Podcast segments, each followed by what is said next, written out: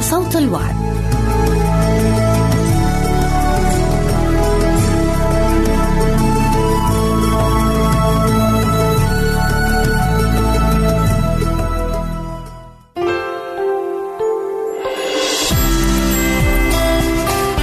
هنا إذاعة صوت الوعد. لكي يكون الوعد من نصيبك. استماع وتحميل برامجنا من موقعنا على الإنترنت www.awr.org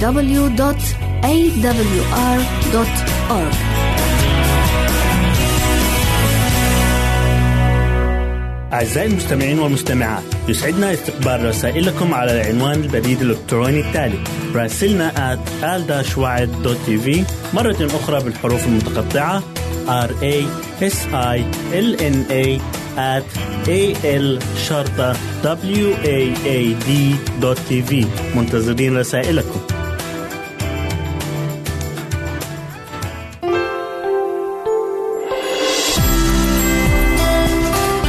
هنا إذاعة صوت الوعد. لكي يكون الوعد من نصيبك. أهلا وسهلا بكم مستمعينا الكرام أسعد الله أيامكم بالخير والبركة يسعدني أن أقدم لكم برنامج السراج المنير والذي نتكلم فيه عن إبراهيم وحياة الصلاة. عاش إبراهيم حياته رجل صلاة وصداقة وعشرة مع الله. كان يقيم مذبحا للرب أينما حل وسكن. يقول الكتاب المقدس في سفر التكوين إصحاح 12 والآية 8 ثم نقل من هناك إلى الجبل شرقي بيت إيل ونصب خيمته فبنى هناك مذبحا للرب ودعا باسم الرب. كان يقدم الذبائح لله ويتحدث مع الله كصديق ودعي من الله خليله أي صديقه كما ذكر في سفر أشعياء إصحاح 41 والآية 8 إبراهيم خليلي. أن تصادق إنسان عظيم المقام فهذا شرف عظيم لك. كم وكم نال إبراهيم الشرف عندما قال الله عنه إبراهيم خليلي الصداقة ثقة والثقة إيمان والإيمان طاعة وحب. فآمن إبراهيم بالله فحسب له برا ودعي خليل الله. يعقوب إصحاح 2 الآية 23 فلا شيء يجعلنا قريبين إلى الله أكثر من المحبة لله والصلاة في ثقة به والطاعة له واللجوء إليه في وقت الشدة ووقت الضيق. شرب إبراهيم من نهر الشركة العميقة مع الله. فلم نسمع أنه بنى بيتا يسكن فيه بل كان ينصب خيمته حيثما حل وينقضها كلما ارتحل. ولكنه في كل مكان كان يبني مذبحا للرب ويقدم ذبيحته ويقترب إلى الله العلي في خوف وخشوع وإجلال. وعند بلوطات ممرة حيث انتقل إلى هناك بنى مذبحا للرب. وفي بئر سبع دعا هناك باسم الرب الإله السرمدي. ومع أنه في مصر وفي جرار اختبر الخوف والضعف مع فرعون وأبي مالك من جهة ساره زوجته لكن الله صديقه العظيم لم يتركه في المحنة والخوف والضعف بل دافع عنه على النحو الكريم الطيب الرحيم. وعندما نكون أصدقاء مع الله فسنجده لنا معين ومخلص ولا سيما في الضعف والمرض وفي النجاح والفشل. حتى تصير صلاتنا إليه لا واجبا أو عبئا يقع علينا بل هي حب وفرح وراحة نتمتع بها. ان عمق علاقه إبراهيم بالله في الصلاة نراها في روح التشفع عن طريق الصلاة من أجل سدوم وعمورة. وفي صلاة التشفع هذه نرى الله وإبراهيم يتحدثان معا في شركة بين الخالق والمخلوق وبين المحب والحبيب والله يبادر ويعلن خطته لخليله ويتركه يتشفع ويتفاوض معه. ويذكر لنا الكتاب المقدس في سفر التكوين إصحاح 18 والآيات من 17 ل 20 فقال الرب هل أخفي عن إبراهيم ما أنا فاعله؟ وإبراهيم يكون أمة كبيرة وقوية ويتبارك به جميع أمم الأرض. لإني عرفته لكي يوصي بنيه وبيته من بعده أن يحفظوا طريق الرب ليعملوا برا وعدلا لكي يأتي الرب لإبراهيم بما تكلم به. وقال الرب إن صراخ صدوم وعمورة قد كثر وخطيتهم قد عظمت جدا. إن سر الرب لخائفيه وعهده لتعليمهم. جيد للمؤمن أن يتعلم فن الاستماع وآداب المخاطبة. لا سيما مع الله. فالصديق المتعمق في الشركة مع الله هو الذي يجهز أذنيه ويقول تكلم فإن عبدك سامع. ما أكثر الذين يكلمون الله دون أن ينصتوا إليه ويسمعوه. لكن إبراهيم كان يحسن الإنصات ويحسن أيضا الكلام والحديث مع سيده وخالقه. إن في صلاة إبراهيم الشفاعية من أجل صدوم وعمورة إلى الله من أجل إنقاذ أناس أشرار لا يمت له بصلة بل قد يكون أعداء الغد له ولنسله. سر عظمة وسمو محبة إبراهيم الذي يرتفع فوق كل خبث وأنانية. فهل لنا روح الصلاة حتى لأعدائنا؟ إن الصلاة من أجل الآخرين أمر واجب علينا وحسن ومقبول عند الله. يذكر الكتاب المقدس في رسالة تيمساوس الأولى والآيات من واحد لأربعة إذ يقول فأطلب أول كل شيء أن تقام طلبات وصلوات وابتهالات وتشكرات لأجل جميع الناس لأجل الملوك وجميع الذين هم في منصب لكي نقضي حياة مطمئنة هادئة في كل تقوى ووقار. لأن هذا حسن ومقبول لدى مخلصنا الله الذي يريد أن جميع الناس يخلصون وإلى معرفة الحق يقبلون. لقد كانت الصلاة هي مصدر الإلهام والرؤية الإلهية لدى إبراهيم والتي سندته وقوته في مخاوفه. فبعد استرداده للوط ابن أخيه وأهل بيته من ملوك الشمال بعد معركة كدر لعمر خاف إبراهيم من هجوم قبائل الشمال عليه. يذكر في سفر التكوين إصحاح 15 والآية واحد إذ يقول بعد هذه الأمور صار كلام الرب إلى إبرام في الرؤيا لا تخف يا إبرام أنا ترس لك. أجرك كثير جدا. ولأنه في عزة نفس رفض أن يأخذ شيئا من الغنائم. فإن الله وعده بالأجر الكثير من لدنه. هنا دخل إبراهيم في عهد مع الله عن طريق الصلاة. إن هذا يعطينا ثقة في معاملات الله الطيبة معنا في كل وقت وكل زمان. إلى هنا نأتي أعزائي إلى نهاية برنامجنا السراج المنير والذي نأمل أن يكون قد نال إعجابكم. نسعد بتلقي آرائكم ومقترحاتكم وتعليقاتكم. وإلى لقاء آخر على أمل أن نلتقي بكم. تقبلوا مني ومن أسرة البرنامج أرق وأطيب تحية. وسلام الله معكم.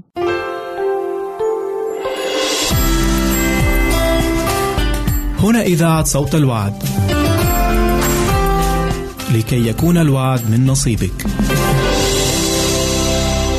يمكنك استماع وتحميل برامجنا من موقعنا على الإنترنت www.awr.org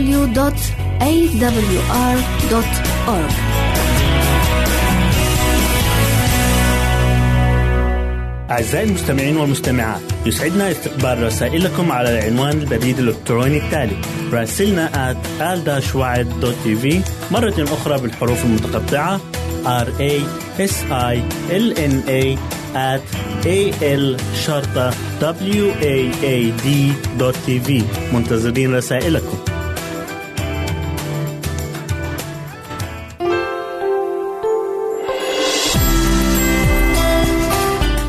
هنا إذاعة صوت الوعد.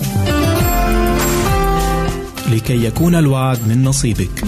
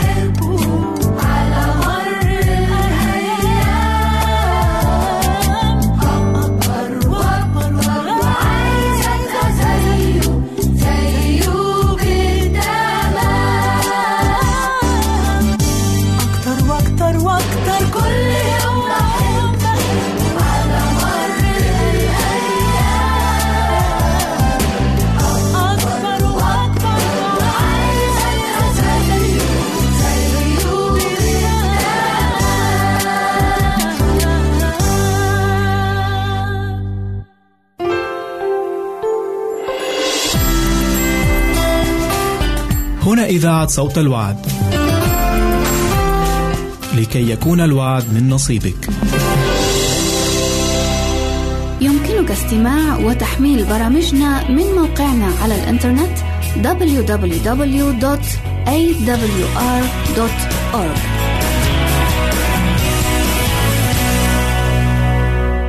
أعزائي المستمعين والمستمعات يسعدنا استقبال رسائلكم على العنوان البريد الإلكتروني التالي راسلنا at مرة أخرى بالحروف المتقطعة r a s i l n a at a l شرطة w a a d منتظرين رسائلكم.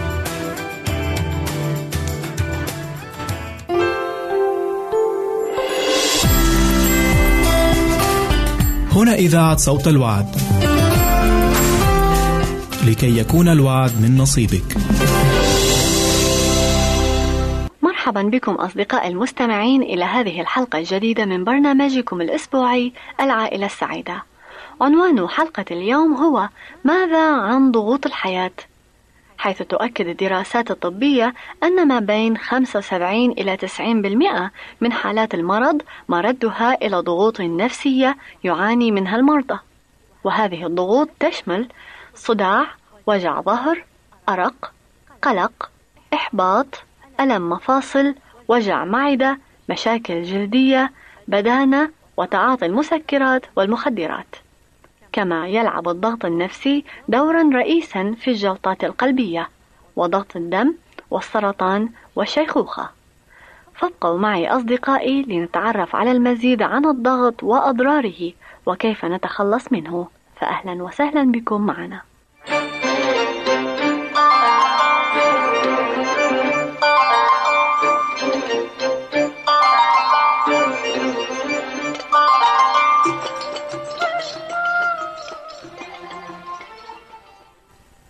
كان ذلك صباح اليوم الذي تلا دخولها إلى غرفة الطوارئ بالمستشفى.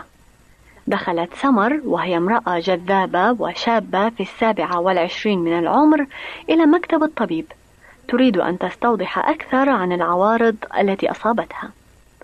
ولأنها كانت تشعر بهدوء في حينها أخبرته أنها اختبرت سلسلة من الآلام الحادة في صدرها مع قصر في نفسها وإحساس مرعب بالتنميل في يديها وأصابعها خلال الليلة الماضية. فأسرعوا بها إلى غرفة الطوارئ في المستشفى حيث خضعت لبعض الفحوصات لمعرفة مشكلتها. ومن ثم عولجت حسب المطلوب. وبما أنها شعرت بتحسن سريع في ذلك الوقت فقد سمح لها بمغادرة المستشفى على أن تواصل زيارة طبيب العائلة. فسألها الطبيب ما إذا كانت تشعر بأنها قد تعرضت لتوتر وعصبية غير عاديين مؤخرا. أما سمر فلم تكن قد اختبرت شيئا يفوق ما تصادفه في أيامها العادية. فسألها الطبيب مرة أخرى عن حال بيتها وما إذا كانت تعاني من مشاكل. أما هي فبدت مرتاحة جدا وقالت له كل شيء على ما يرام. فالرجل الذي أعيش معه يتحلى بشخصية جيدة ولا يستغلني مثل ما فعل أزواجي السابقين. عندها استغرب الطبيب لما قالته وسألها عن عدد أزواجها وزادت دهشته أكثر حين سمع أنها سبق وتزوجت من أربعة رجال قبل الرجل الذي تعيش معه حاليا. وبينما هما يتحدثان دخلا في قصة التعايش مع هذا الزمن. التي قد تبدو مستحيلة في بعض الأحيان. فأخبرته أنها كانت تذهب إلى مدرسة ليلية لكنها كانت تجد صعوبة كبيرة في التفرغ للدرس في ساعات النهار لأن أمها دخلت المستشفى. لذا كان على سمر أن تعتني بأخيها الصغير كما أنها هي وزوجها الذي كان قد أوقف بتهمة السرقة كانا عاطلين عن العمل. حتى أن مالك العمارة التي كانت تسكن فيها هددهما بإخلاء الشقة. هذا بالإضافة أنه سبق وأجريت لها عمليتان جراحيتان في السنين القريبة الماضية وأنها من المدمنين على القهوة والتبغ لقد حاول جسمها أن يطلعها على ما لم يكن بمقدرتها أن تفهمه أو تقبله بشكل واع. إنها تعاني من توتر شديد وأنها بحاجة إلى كثير من الراحة. وإذا أردنا أن نعترف بالحقيقة فإن قصة هذه المرأة صحيحة لكنها ليست بمأساة غير عادية. الكثير منا لا يواجهون تحديات بمقدار ما تواجهه سمر لكننا يجب أن نتعامل مع التوتر بطريقة أو بأخرى. والطريقة التي نتبعها للتعايش مع هذا الضغط لها انطباعات مستقبلية على صحتنا وسعادتنا. لقد درس أحد أطباء القلب الاختصاصيين التأثيرات النفسية للضغط ونتيجة لدراسته تلك تعرف إلى نوعين من الناس فهناك سريعو الانفعال وآخرين بطيئو الانفعال لكن بحسب الطريقة التي يتجاوب بها جسمهم مع عوامل اصطناعية ومفتعلة مثيرة للضغط ويصرح هذا الطبيب بوضوح جدا أن الشخص لا يمكنه أن يظل سريع الانفعال لمدة طويلة غير محددة من دون أن يعاني من عواقب غير مرغوبة له.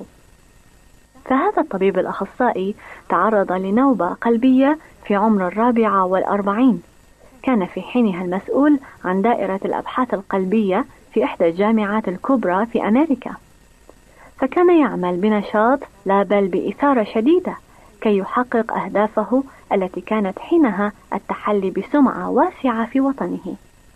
فالتأخيرات والمتطلبات الإدارية الملحة دفعته أن يعمل بجهد أكبر كي يحقق مراده.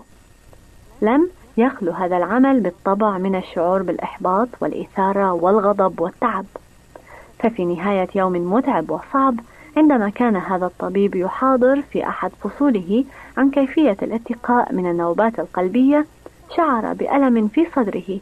نتيجة نوبة قلبية أصابته في ذلك الحين.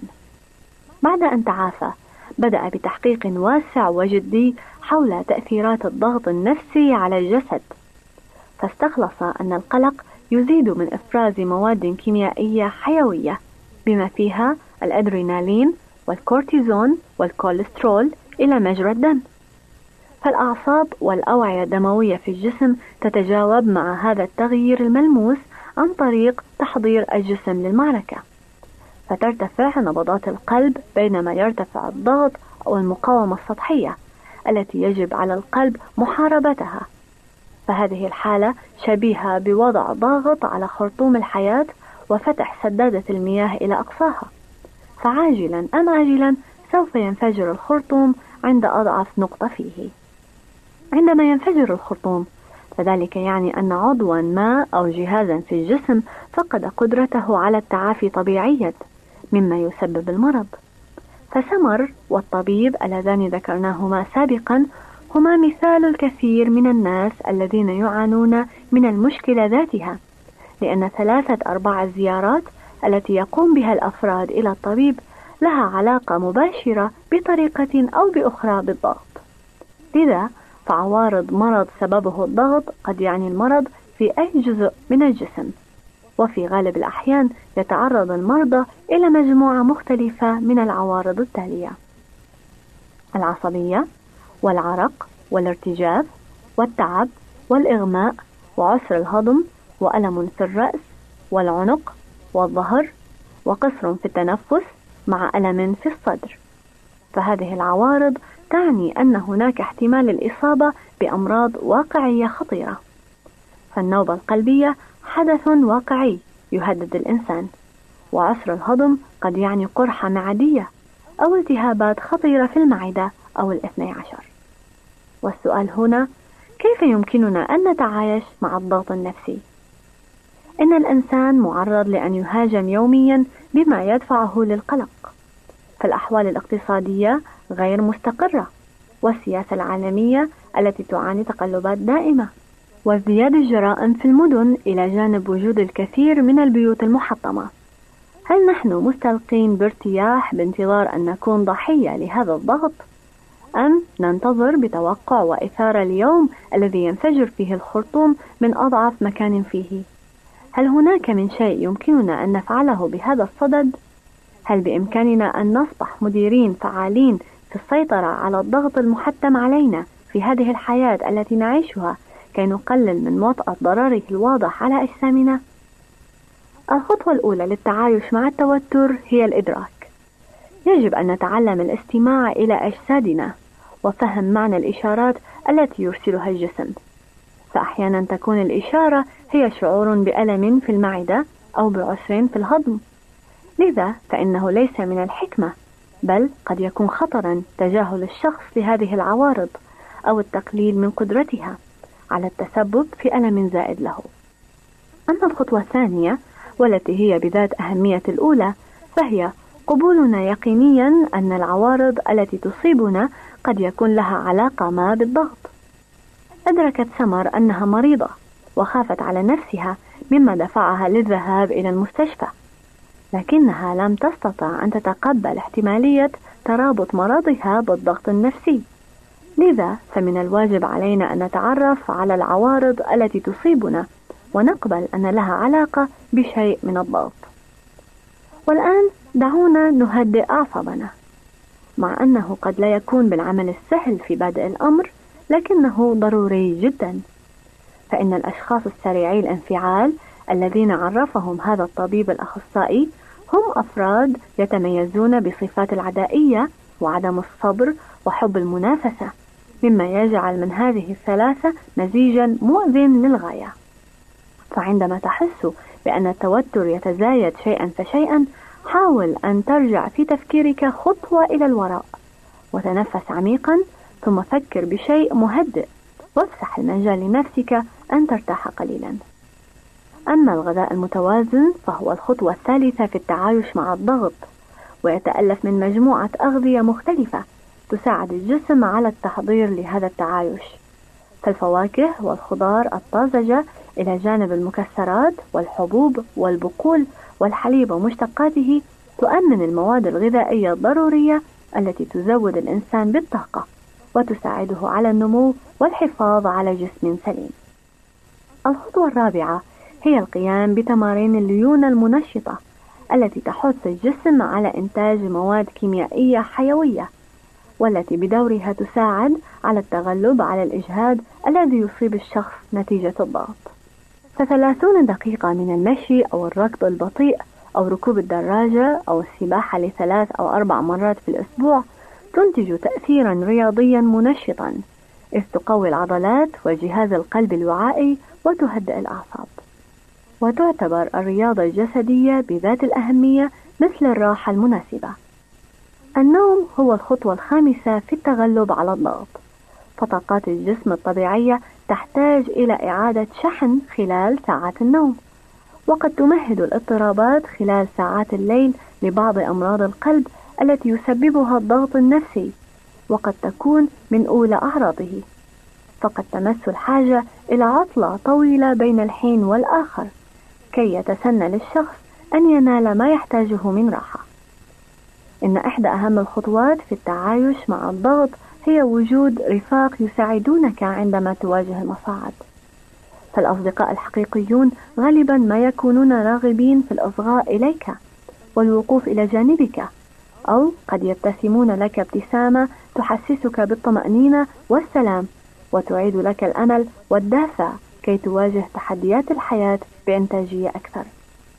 فالأحاسيس والمواقف والمعتقدات الشخصية بدأت تعتبر المسؤول الرئيس عن حالتنا الصحية. مما يقودنا إلى الإدراك أن القدرة على السيطرة على الضغط بطريقة بناءة تعتمد على جودة حالة الشخص العاطفية. فالتحلي بنظرة إيجابية للحياة والإيمان بأن للحياة معنى أكبر من معناها المادي قد يساعد الإنسان على المضي في حياته اليومية بشكل طبيعي. أما الثقة بالله إلى جانب التأمل والصلاة والعبادة اليومية فتؤمن الراحة من أعباء الحياة عندما تعجز كل العلاجات والوسائل الأخرى عن تأمينها لك.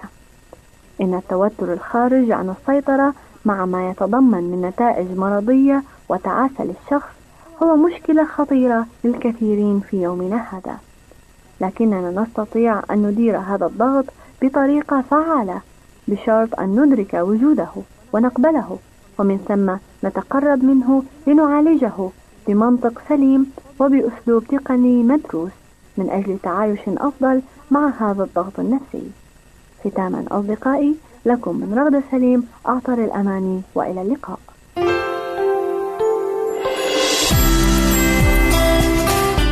هنا إذاعة صوت الوعد.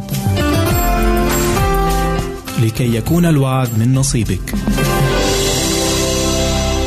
يمكنك استماع وتحميل برامجنا من موقعنا على الإنترنت www.awr.org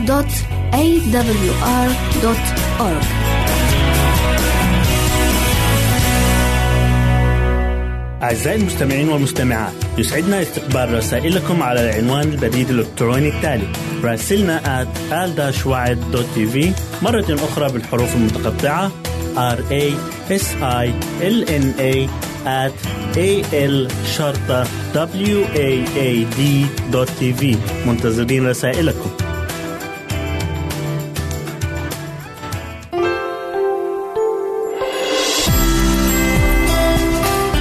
هنا إذاعة صوت الوعد. لكي يكون الوعد من نصيبك.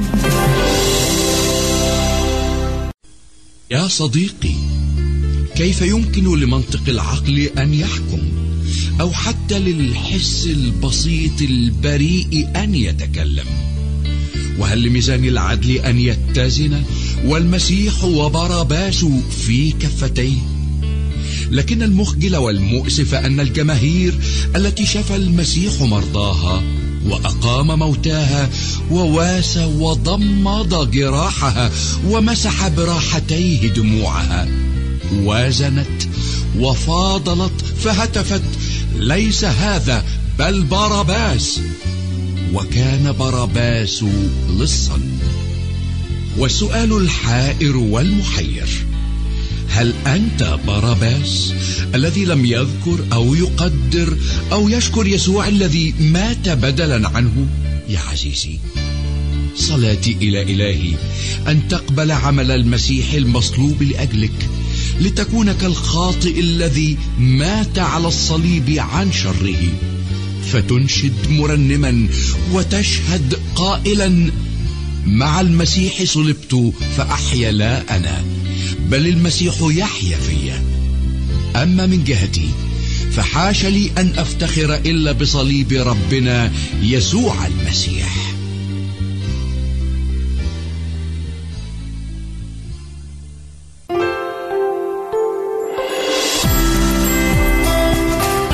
هنا إذاعة صوت الوعد. لكي يكون الوعد من نصيبك. يمكنك استماع وتحميل برامجنا من موقعنا على الإنترنت www.awr.org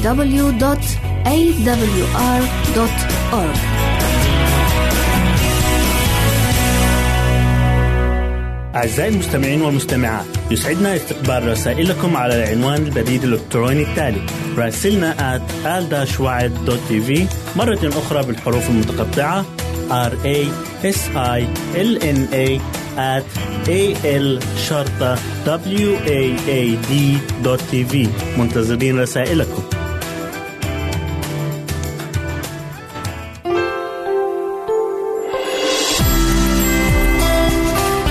هنا إذاعة صوت الوعد. لكي يكون الوعد من نصيبك.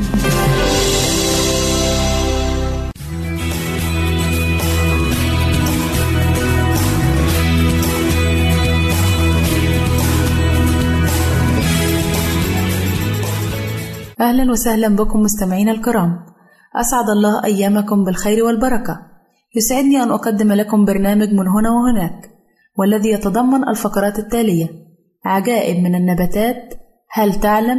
نبات الجرجير وفوائده.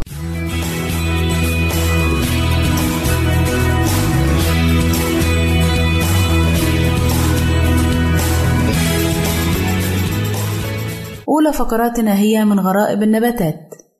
إن هذا الكون العجيب ما زال يخفي الكثير من العجائب والأشياء الجميلة التي خلقها الله سبحانه وتعالى. فأكثر ما يلفت عين الإنسان هو الجمال. وهل غير الأزهار تجمع كل معاني الجمال؟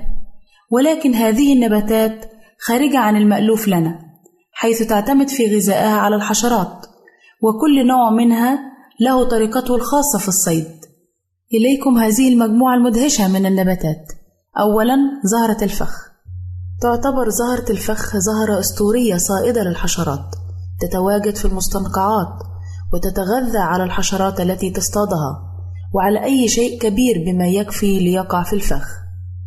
تتتبع زهرة الفخ آلية مدهشة في الصيد فعندما تتعثر الحشرة الواقفة بين شطري الزهرة تجد نفسها في الفخ النباتي وقد أطبق عليها بحيث لا تستطيع الفرار. والأسوأ من ذلك فبعد الإمساك بالفريسة تعمل الزهرة بآلية تفتل بها الأوراق لتتحول بذلك إلى معدة لهضم الفريسة. والأمر الأكثر إدهاشا أن للفخ اثنين من المشغلات التي تعمل على الحيلولة دون حصول الإغلاق الخاطف للأوراق وذلك تجنبا لهرب الفريسة عند محاولة الإمساك بها. زهرتنا الثانية هي زهرة جرة العطور القاتلة. وهي زهرة ممتلئة بسائل وتشبه إلى حد كبير شكل الجرة. تم اكتشافها مؤخرا وتلقب بالصياد السلبي.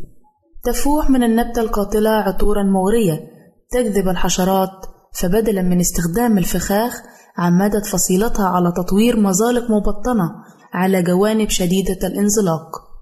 يوجد هذا النوع من النباتات بتشكيلة واسعة ومتنوعة وبأحجام مختلفة. ومعظمها تتغذى على الحشرات وأحيانا على السحال الصغيرة. النوع الثالث والأخير هي زهرة ندى الشمس. زهرة ندى الشمس هي زهرة ذات أوراق مغطاة بعشرات السيقان وكل ساق مغطاة بمادة شديدة اللزوجة وعند اقتراب الفريسة تلتصق على الفور ولا تستطيع الإفلات فتقترب منها المزيد من السيقان لتحاصرها تماما. ثم رويدا رويدا تعمل النبتة على هضمها.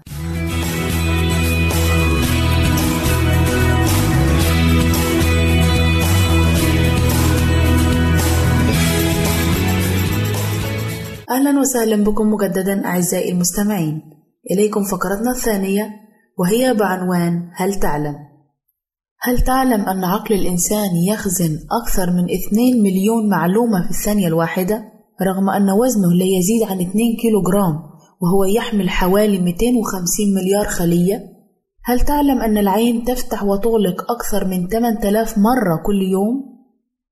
هل تعلم أن حاسة التذوق ثلاث طبقات فوق اللسان إحداهما تعرف الطعام المالح والأخرى الحلو والثالثة تعرف طعم الأشياء الحارة هل تعلم أن القلب يدق مئة ألف مرة كل يوم هل تعلم أن الكبد يتجدد كل ست أسابيع والكلى تتجدد كل ثمان أسابيع والجلد يتغير كل شهر ونصف والعمود الفقري كل ستة أشهر في حين يتجدد دم الإنسان كل 120 يوما ويتجدد دم الشخص المتبرع بعد 20 يوما فقط أي أسرع بستة أضعاف مقارنة بمن لم يتبرع.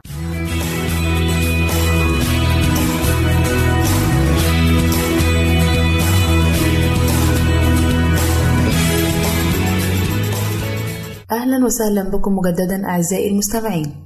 إليكم فقرتنا الثالثة والأخيرة والتي نتكلم فيها عن الجرجير وفوائده. الجرجير من النباتات الورقية الخضراء والتابع لفصيلة الكرنب والخس والبقدونس والكزبرة والسبانخ وهو ينمو في المناطق الرطبة وعلى جوانب الجداول والمسطحات المائية. ويزرع بكثرة في منطقتي الخليج وبلاد الشام.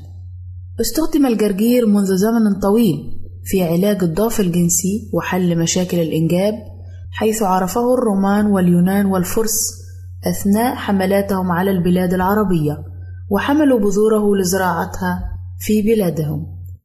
وذلك بعد أن أدركوا المنافع الكثيرة التي يحصلون عليها من أكل أوراق الجرجير.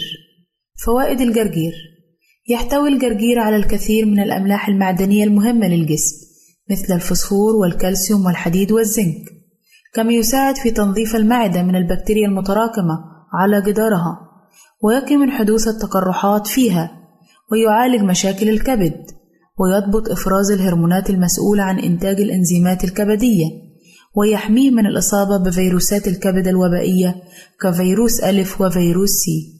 يخلص الجرجير الجسم من حصوات الكلى ويساعد على تفتيتها بصورة طبيعية. ويعتبر مقوما لأمراض البرد وطاردا للبلغم ومنقيا للقصبات الهوائية.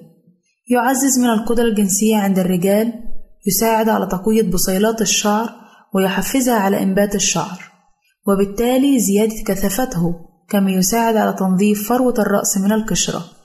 يساعد على التخلص من سموم مادة النيكوتين الموجودة في الرئتين وذلك عن طريق شرب كوب من عصير الجرجير يوميا. يحمي الجسم من الإصابة بالإمساك. نتيجة وجود كميات كبيرة من الألياف الطبيعية التي تحسن عملية الهضم وتزيد من كفاءتها. يعتبر أيضا مهما جدا لصحة المرأة الحامل لما يحتويه من الحديد والبوتاسيوم والفيتامينات التي تساعد على النمو الجنين. يحتوي أيضا الجرجير على فيتامين ج المضاد لشيخوخة البشرة نظرا لاحتوائه على مضادات الأكسدة التي تحمي الجلد من الجفاف والتشقق والتجاعيد المبكرة. إلى هنا نأتي أعزائي إلى نهاية برنامجنا من هنا وهناك. والذي نأمل أن يكون قد نال إعجابكم. نسعد بتلقي آرائكم ومقترحاتكم وتعليقاتكم. وإلى لقاء آخر على أمل أن نلتقي بكم. تقبلوا مني ومن أسرة البرنامج. أرق وأطيب تحية. وسلام الله معكم.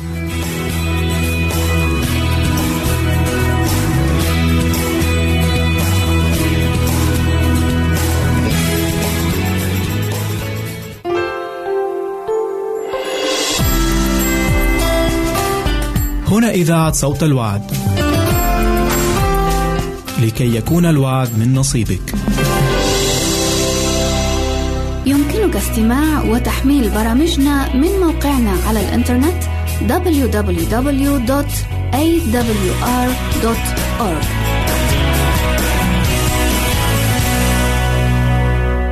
أعزائي المستمعين والمستمعات يسعدنا استقبال رسائلكم على العنوان البريد الإلكتروني التالي راسلنا at مرة أخرى بالحروف المتقطعة. R a s i l n a at a l شرطة w a a d دوت تي في منتظرين رسائلكم.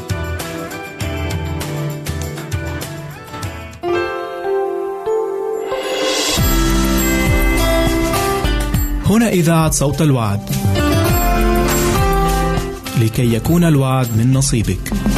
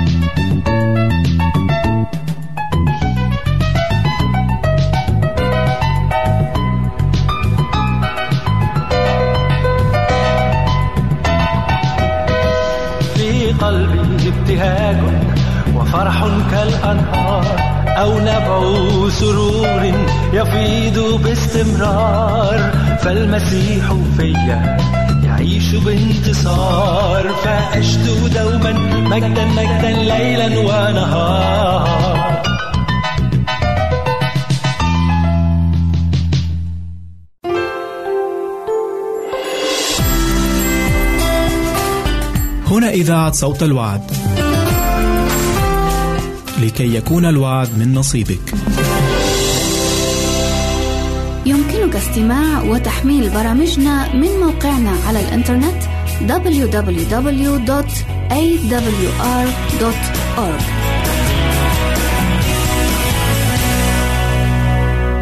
أعزائي المستمعين والمستمعات يسعدنا استقبال رسائلكم على العنوان البريد الإلكتروني التالي راسلنا at al مرة أخرى بالحروف المتقطعة r a s i l n a at a l شرطة w a a d منتظرين رسائلكم.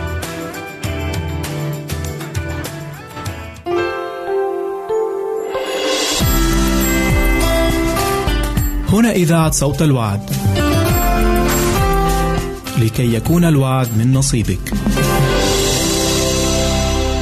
أحبائي الشباب لقاؤنا اليوم يتجدد لنفتح كلمة الله ولنرى ما يقوله لنا وما يرشدنا إليه والطريق الذي يريدنا أن نسير فيه موضوع تأملاتنا اليوم هو الفرح في الحزن آية الموضوع وردت في روميا الصح الثامن والعدد 18 تقول فإني أحسب أن آلام الزمان الحاضر لا تقاس بالمجد العتيد أن يستعلن فينا. نعيش في عالم مليء بالخطية والخطية تنتج الشر والشر يسود وينتشر في كل مكان وفي كل نواحي الحياة. العالم يئن تحت وطأة الخطية والشر. نرى بأعيننا ونسمع بآذاننا ما يحدث من مآسي من عنف من قتل من سرقة من مخدرات من فساد في الأخلاق وغيرها كثير.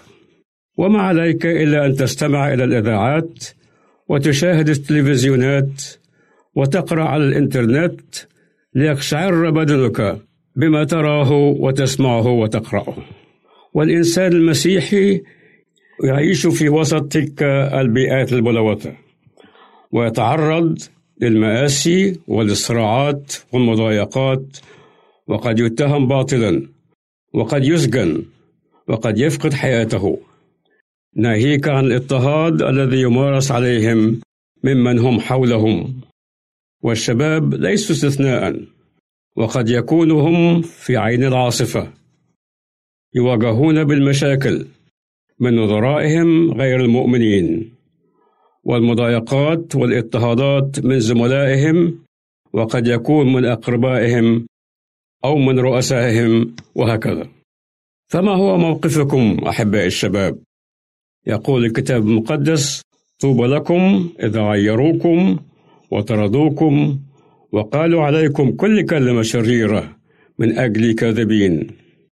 افرحوا وتهللوا لأن أجركم عظيم في السماوات. متى خمسة والعدد العاشر. لنأخذ المسيح مثالا لنا. ماذا تحمل في حياته على الأرض؟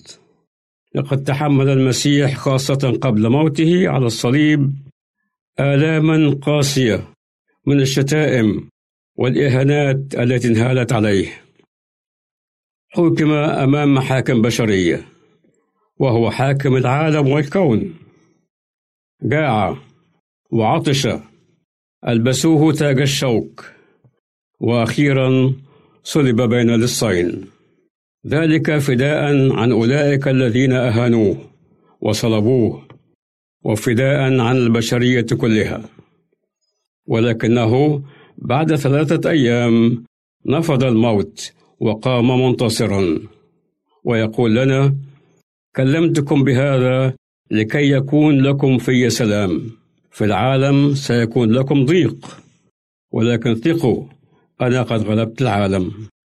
يوحنا 16 والعدد 33 يسوع يعطينا الثقة في أنه مهما نواجه في هذه الحياة فهو قد غلب العالم وسيمنحنا نحن أيضا الغلبة على العالم. مثال آخر وهو قائل آية موضوعنا اليوم. بولس الرسول في رسالته إلى كنيسة روميا. قال كلمات هذه الآية بعد اختبارات قاسية وطويلة. فلقد كانت حياة بولس حياة حافلة بالمآسي والمخاط. انظروا ماذا قال عن نفسه وعما قساه. في الأتعاب أكثر في الضربات أوفر في السجون أكثر في الميتات مرارا كثيرة. من اليهود قبلت أربعين جلدة إلا واحدة. ثلاث مرات ضربت بالعصا. مرة رجمت.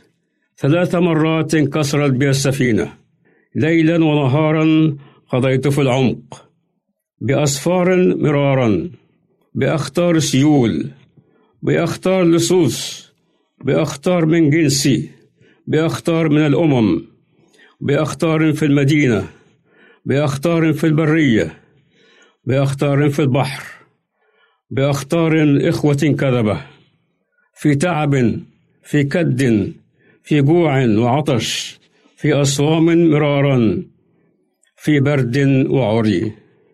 هذه الآيات مأخوذة من كورنثوس الثانية الأصحاح الحادي عشر والأعداد 23 إلى 27 وبعد كل ذلك وبالرغم من كل ذلك قول بولس الرسول فإني أحسب أن ألام الزمان الحاضر لا يقاس بالمجد العتيد أن يستعلن فينا. رومية 8 18 ويقول أيضا بل أني أحسب كل شيء خسارة من أجل فضل معرفة المسيح وأنا أحسبها نفاية لكي أربح المسيح. فيليبي الإصحاح الثالث والعدد الثامن. يمكننا أن نوجز كلمات بولس واختباره في أمرين اثنين. والخلاصة التي تنتج عنهما. أولا أن ما يقاسيه العالم الآن هو نتيجة لسقوط الإنسان في الخطية. ثانيا أن المستقبل يتميز بالمجد للمؤمنين إذ يتمم الله وعوده لنا. الخلاصة إذا جعلنا عيوننا تنظر إلى المجد العتيد أن يعلن فينا فإننا نستطيع أن نتحمل الآلام والصعاب بالرجاء الذي لنا في المسيح يسوع.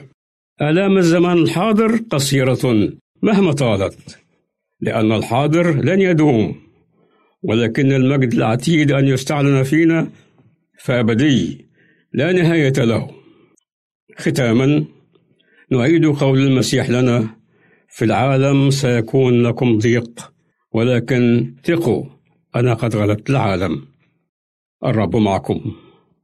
نصلي أيها الرب يسوع أشكرك لأنك تحملت الآلام والمعاناة وقدمت نفسك فداء لنا. وإن نمر في تجارب أو نقاس الضيقات أعطنا القوة لأن نتحمل كما تحملت أنت.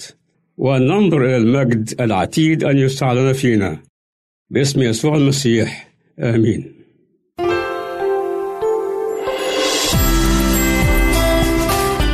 هنا إذاعة صوت الوعد. لكي يكون الوعد من نصيبك. يمكنك استماع وتحميل برامجنا من موقعنا على الإنترنت www.awr.org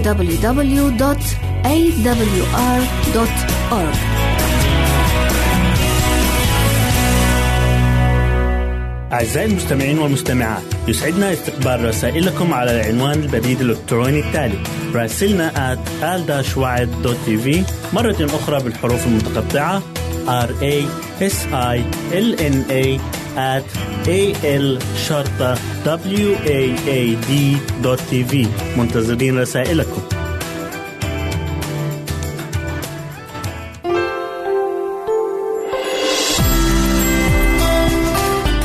هنا إذاعة صوت الوعد.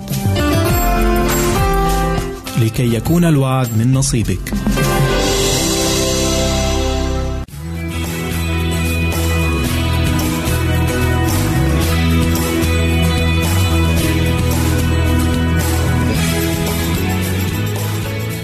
أهلا وسهلا بكم مستمعينا الكرام أسعد الله أيامكم بالخير والبركة يسعدني أن أقدم لكم برنامج من هنا وهناك والذي يتضمن الفقرات التالية.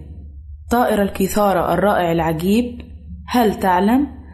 نصائح ذهبية للزوجة المثالية.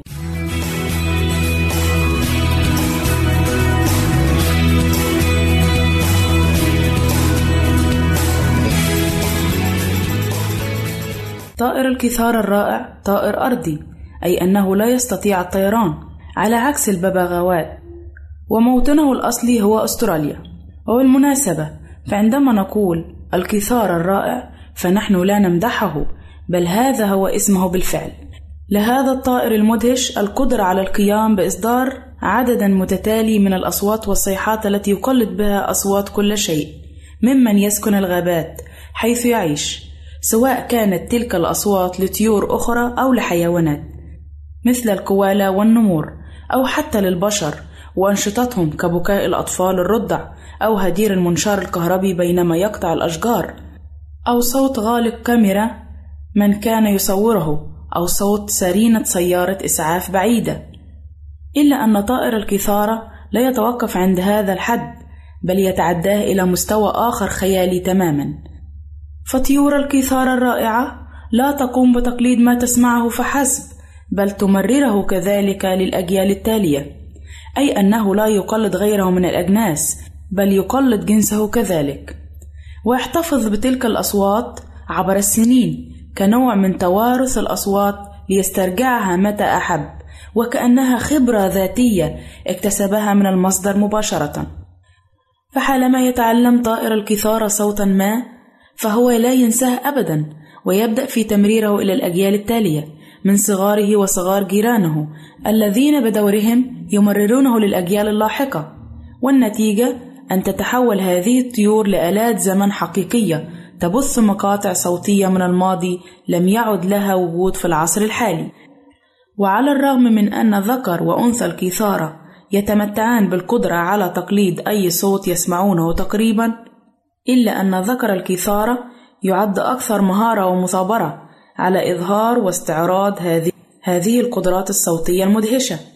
كوسيلة بطبيعة الحال للتباهي ودعوني أخبركم أن ذكور الكثارة تقوم بهذا بأفضل طريقة ممكنة حيث يقوم الذكر بتنظيف رقعة مميزة من الأرض ويبني ما يشبه المنصة المرتفعة للوقوف عليها والبدء في استعراضه المدهش. فيا لعظمة خلق الله وروعته.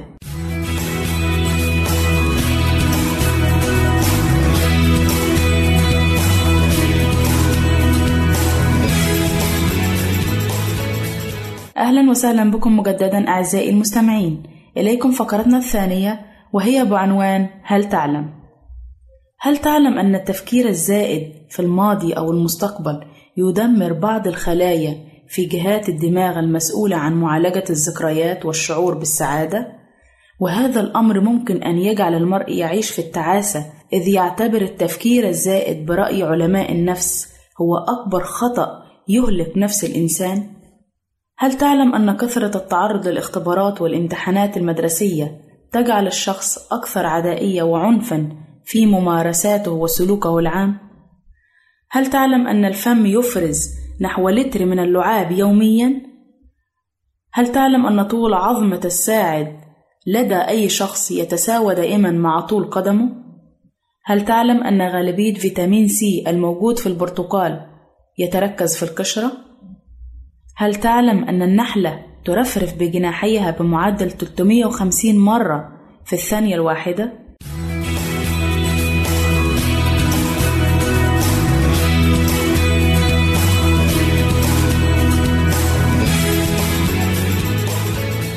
أهلا وسهلا بكم مجددا أعزائي المستمعين إليكم فقرتنا الثالثة والأخيرة وهي بعنوان نصائح ذهبية للزوجة المثالية اجعلي تسبيحات الله تتردد دائما في بيتك وفي أغلب الأوقات.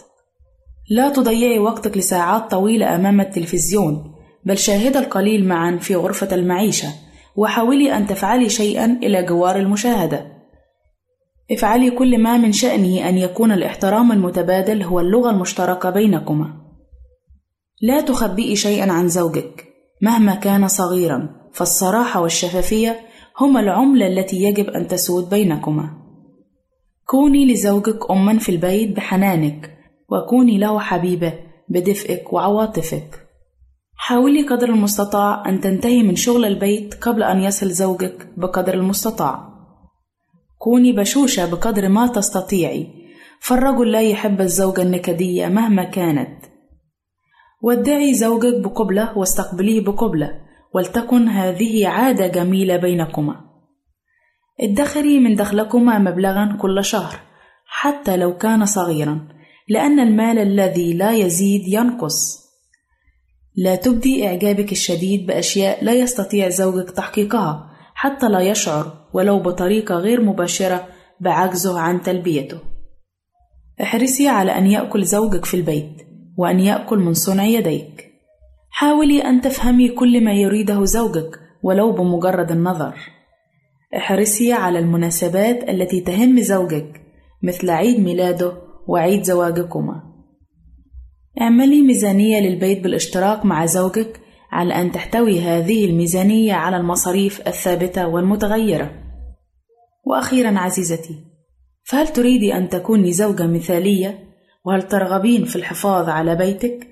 سيدتي إن أردت أن تحافظي على مستوى المحبة بينك وبين زوجك عليك أن تستثمري وقتك بالحكمة ولا تصرفي وقتا في أشياء تبدو غير نافعة. بل كوني خلاقة في تدبير المنزل وخلق جو من البهجة وابحثي دائما على كل ما هو جديد ونافع. مع كل أمنياتي لكم مستمعاتي الكرام بالحب والاستقرار العائلي. إلى هنا نأتي أعزائي المستمعات إلى نهاية برنامجنا من هنا وهناك والذي نأمل أن يكون قد نال إعجابكم. نسعد بتلقي آرائكم ومقترحاتكم وتعليقاتكم وإلى لقاء آخر على أمل أن نلتقي بكم. تقبلوا مني ومن أسرة البرنامج أرق وأطيب تحية وسلام الله معكم.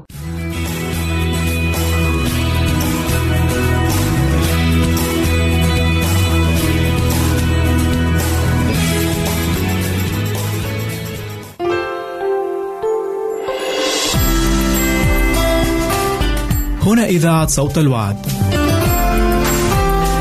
لكي يكون الوعد من نصيبك. يمكنك استماع وتحميل برامجنا من موقعنا على الإنترنت www.awr.org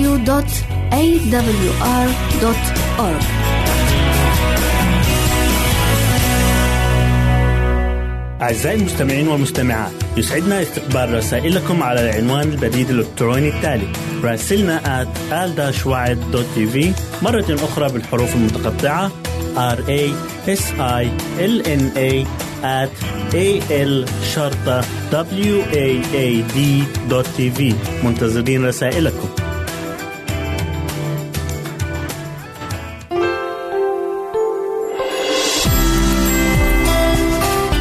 هنا إذاعة صوت الوعد. لكي يكون الوعد من نصيبك.